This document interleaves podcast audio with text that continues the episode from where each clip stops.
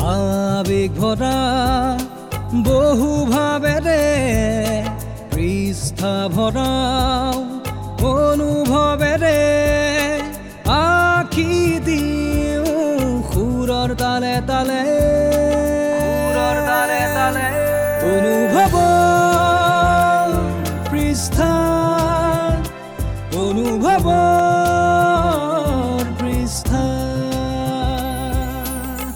অনুভৱৰ পৃষ্ঠা season two ব্যস্ততাপূৰ্ণ জীৱনত আপোনাৰ অনুভৱী মনটোক জীপাল কৰাৰ মানসেৰে মই মিখাই আপোনালৈ বুলি আগবঢ়াওঁ বাস্তৱ জীৱনৰ বিভিন্ন কাহিনী। আহক আজি শুনো এই কাহিনী। আৰু আজিৰ যিটো কাহিনী সেয়া হৈছে প্ৰথম চিনাকি। শিবু চাহুৱে লিখিছে আৰু কাহিনীটো ৰবীন দত্তক লৈ ৰবীন দত্তৰ যি জীৱন কাহিনী কেনেদৰে আগবাঢ়িছিল। তেন্তে কাহিনীৰ মাজলৈ আগবাঢ়ো। ৰবীন দত্ত গুৱাহাটী চহৰত সৰু এটা ৰুম ভাড়াত লৈ কোম্পানী এটাত কাম কৰি আছে। সময় বুলি ক'লে ৰবিবাৰে ফ্ৰী থাকে কাৰণ কোম্পানী ৰবিবাৰে বন্ধ থাকে। ৰাতিপুৱা আঠ বজাত ঘৰৰ পৰা ওলাই যায় আৰু ৰাতি ন বজাত ঘৰত আহি সোমায়। এই প্ৰক্ৰিয়া সোমবাৰৰ পৰা শনিবাৰলৈ চলি থাকে। এতিয়া এটা অভ্যাসত পৰিণত হৈছে। ৰবীন দত্তৰ কোনো আমনি নালাগে। ৰাতি আহে ঘৰত ভাত ৰান্ধি খাই আৰামত শুই পৰে। ৰাতিপুৱা পুনৰ ছয় বজাত উঠি বাহিৰা কাম কৰি খোৱা লোৱা ৰান্ধি খাই বৈ আঠ বজাত আকৌ ঘৰৰ পৰা ওলাই যায় অফিচলৈ বুলি। ৰবীন দত্তৰ ডিউটিবোৰ দহ ঘণ্টীয়া সেইবাবে ৰাতি সাত বজাত ছুটি হয়। বজাৰ সমাৰ কৰি ঘৰ সোমাই মানে প্ৰায় ৰাতি ন বাজি যায়। কি কৰিব? ভাল কামৰ বাবে আশা কৰি নিবনুৱা হৈ বহি থকাতকৈ ৰবীন দত্তই ভাবে প্ৰাইভেট কোম্পেনীবোৰত সোমোৱাই ভাল। ৰবীন দত্তই টোপনিৰ পৰা অকণমান দেৰিকৈ উঠিছে আজি। আজিৰ দিনটোৱেতো তেওঁৰ নিজৰ দিন। কাৰণ আজিৰ দিনটো তেওঁ ইচ্ছামতেই পাৰ কৰে। মোবাইলত চালে। ৰাতিপুৱা সাত বাজিছে। সেইবাবে বিচনা এৰি উঠি আহিল। আৰু আজি এঠাইত যোৱাৰ পৰিকল্পনা কৰিছে সেইবাবেই। ঘৰৰ কামখিনি সোনকালেই কৰি প্ৰায়ে ৰবিবাৰৰ দিনটো ক'ৰবাত ফুৰিবলৈ ওলাই যায় ৰবীন দত্ত। ভাল লাগে। এনেদৰে এটা দিন নিজৰ ইচ্ছামতে ঘূৰা ফুৰা কৰি। ইতিমধ্যে ঘৰৰ সকলো কাম শেষ হ'ল। এতিয়া গা পা ধুই ভাতখিনি খাই ওলাই যাব ৰবীন দত্ত। ৰবীন দত্তই গুৱাহাটীৰ চিৰিয়াখানালৈ বুলি জীৱ জন্তুবোৰক অকণমান ওচৰৰ পৰা চাবলৈ ৰবিবাৰটো সেই সময়খিনি কটাবলৈ গুৱাহাটী চিৰিয়াখানালৈ গ'ল। কাজিৰঙা যাব নোৱাৰাৰ বাবে সেই সপোন এই চিৰিয়াখানাতেই পূৰ্ণ কৰিবলৈ আহিছে ৰবীন দত্তই। মানুহে কয় নহয় আমি অলপতে সুখী হ'ব লাগে। গতিকে চিৰিয়াখানাতে আনন্দ মনেৰে ঘূৰি ফুৰে ৰবীন দত্তই এনেদৰে আজৰি পালে। গোটেই চিৰিয়াখানাখনত ঘূৰি পকি এঠাইত ৰবীন দত্তই ভাগৰতে বহি দিলে। চিৰিয়াখানাতে যদি ঘূৰি ফুৰি ইমান ভাগৰ লাগে তেন্তে সিমান ডাঙৰ কাজিৰঙাত ঘূৰি ফুৰোঁতে হয়তো আৰু কিমান ভাগৰ লাগিব। নিজৰ চিন্তাধাৰাত নিজেই হাঁহিলে ৰবীন দত্তই। কাৰণ চিৰিয়াখানা সৰু অঞ্চল সেইবাবে খোজকাঢ়ি ঘূৰি ফুৰিছে। কিন্তু কাজিৰঙাত খোজকাঢ়ি ঘূৰি ফুৰা একেবাৰেই সম্ভৱ নহয়। তাত গ'লে হাতীৰ পিঠিত নাইবা চাৰিচকীয়া বাহনত উঠিহে ফুৰিব লাগিব অৰ্থাৎ জীপ চাফাৰী। মনটোক অকণ শান্ত কৰি চকু দুটা জপাই দিলে আৰু তেনেতে তেখেতৰ অনুভৱ হ'ল যে কাষতে যেন কোনোবাই বহিছে আৰু উচুপি উচুপি কান্দি আছে। চকু দুটা লাহেকৈ মেলি দিলে। দেখিলে কাষতে এজনী ছোৱালী বহি উচুপি উচুপি কান্দি আছে। দুচকু ৰঙা পৰি গৈছে ছোৱালীজনীৰ এনেদৰে কান্দি কান্দি।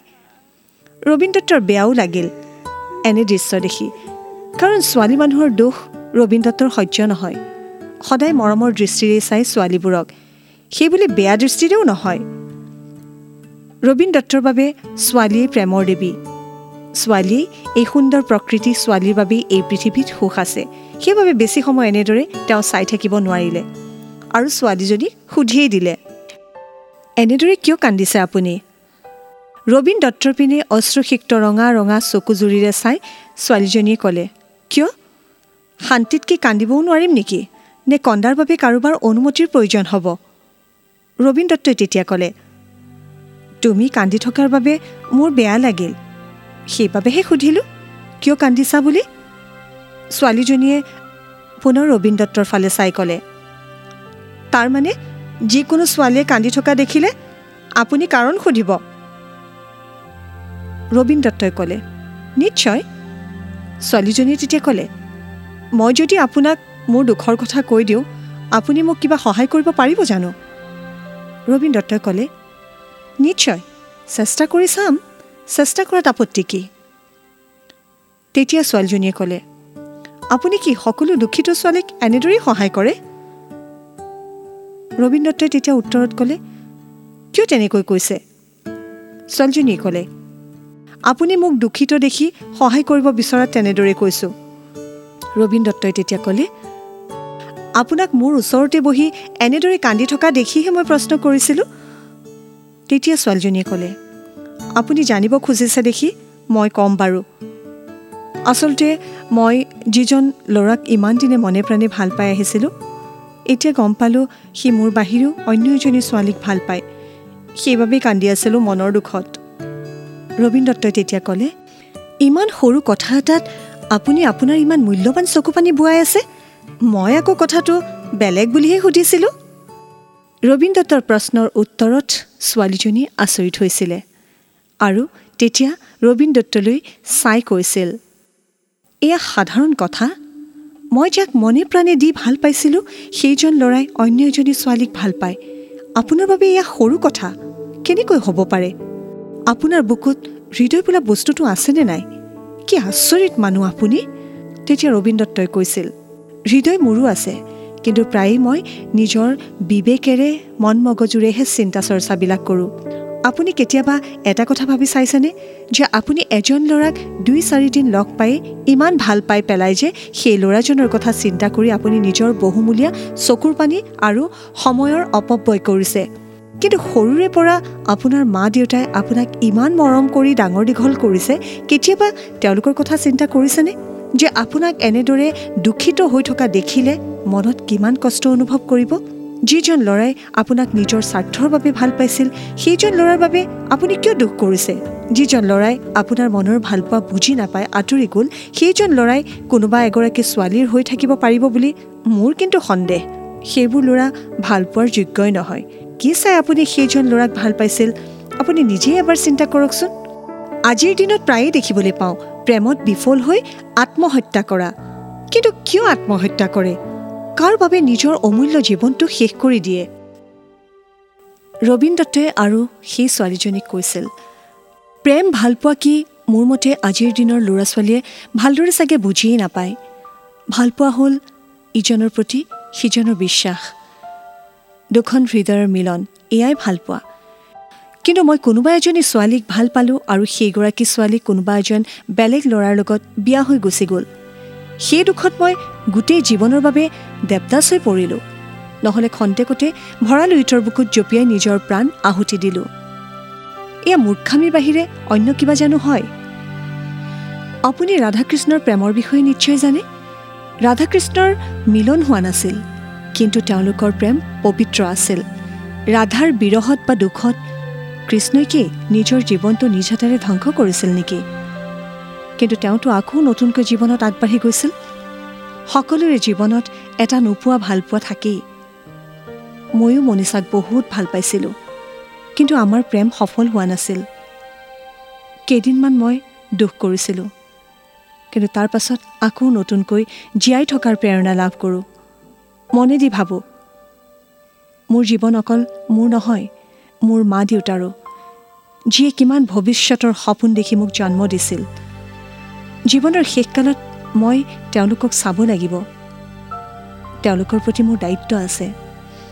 এইবোৰ কথা চিন্তা কৰি মই আকৌ নতুনকৈ জীৱনটো আৰম্ভ কৰিলোঁ।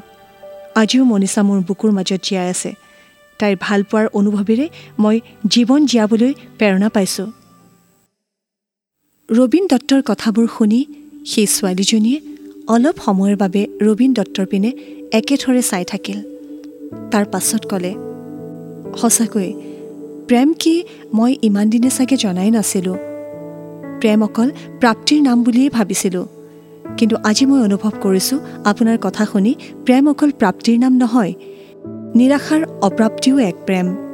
প্ৰেমে আমাক জীয়াই থকাৰ প্ৰেৰণা দিয়ে জীৱন শেষ কৰাৰ পৰামৰ্শ নিদিয়ে।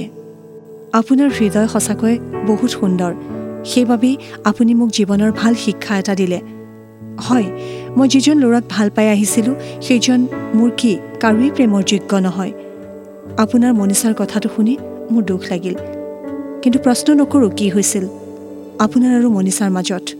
মই মনিষাৰ ঠাই হয়তো কেতিয়াও আপোনাৰ হৃদয়ত ল'ব নোৱাৰোঁ কিন্তু অকণমান ঠাই মোৰ বাবে হ'বনে আপোনাৰ হৃদয়ত?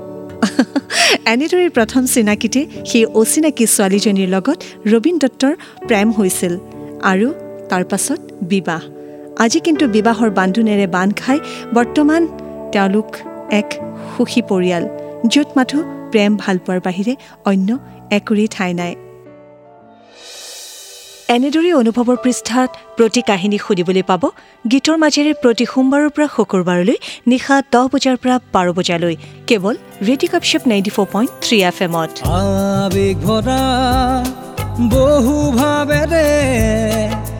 পৃষ্ঠা ভৰাও অনুভৱেৰে আখি দিওঁ সুৰৰ তালে তালে। সুৰৰ তালে তালে। অনুভৱ